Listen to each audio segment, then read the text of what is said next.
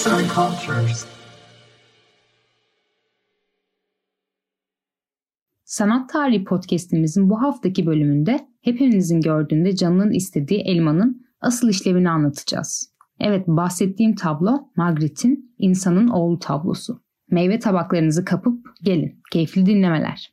Sürrealizm denince akla ilk gelen eserlerden biri şüphesiz Magritte'in İnsanın Oğlu adlı tablosudur.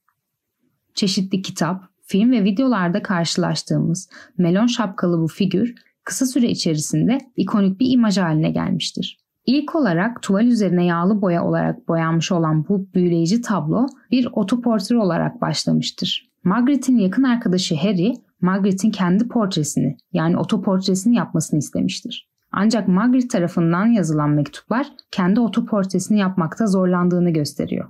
Hatta Margaret yaşadığı zorlukları vicdan sorunu olarak nitelendirmiştir. Magritte nihayet kendi portresini bitirdiğinde ortaya çıkan görüntü melon şapkalı ve insanın oğlu başlıklı bu isimsiz adamdı. İlk bakışta insanın oğlu oldukça basit bir çizim gibi görünse de aslında son derece kafa karıştırıcı detaylara sahip. Dikkatli bakıldığında adamın sol kol dirseğinin öne doğru yani ters bir şekilde büküldüğü görülüyor. Ayrıca üçüncü düğmesi çözülmüş olan ceketi gövdesinin normalden uzun olduğu hatta sonsuzluğa uzanıyormuş gibi durduğu hissi vermekte. Aynı zamanda kırmızı kravatı ve koyu gri takım elbisesiyle bu melon şapkalı adam figürü bulunduğu ortamla uyumsuz olduğu için onun gerektiğinden fazla şık ve resmi olduğunu görebiliriz.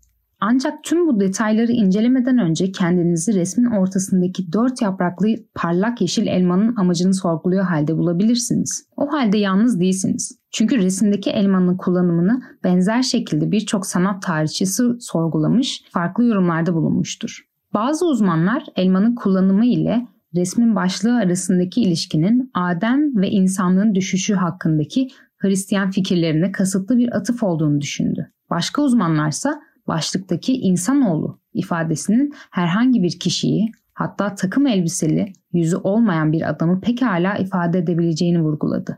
Tüm bu görüşlerden farklı olarak Magritte, elmayı gerçek yüzünü gizlemek için kullandığını ve bundan da önemlisi izleyicilere görünür olanın da ardında saklı olanı görme arzusunu hissettirmek istediğini söylemiştir. Başka bir deyişle Magritte bir uzlaşma olarak sembolik bir meyve parçasıyla yüzünü gizlemiştir. Magritte resminde gizli olan görünen ile mevcut olan görünen arasında ortaya çıkabilecek çatışmayı ele aldığını öne sürmüştür ve eserinde de bu duyguyu çok akıllıca bir şekilde yakalamayı başarmıştır. İnsanın oğlu basit ama çarpıcı, açık ama gizemli bir eser. Magritte bu yaklaşım ile sevenlerini etraflarında yatan gerçekliği daha yakından düşünmeye ve her şeyi olduğu gibi kabul etmeye değil, daha yakından düşünmeye teşvik etmeyi amaçlamıştır. Sürrealist resimler tipik olarak izleyiciye yüksek seviyelerde sembolizmle karıştırılmış bir gerçeklik sunar ve Magritte bunu İnsanın Oğlu eserinde harika bir şekilde resmetmiştir. Yazan Ayşenur Asyalı,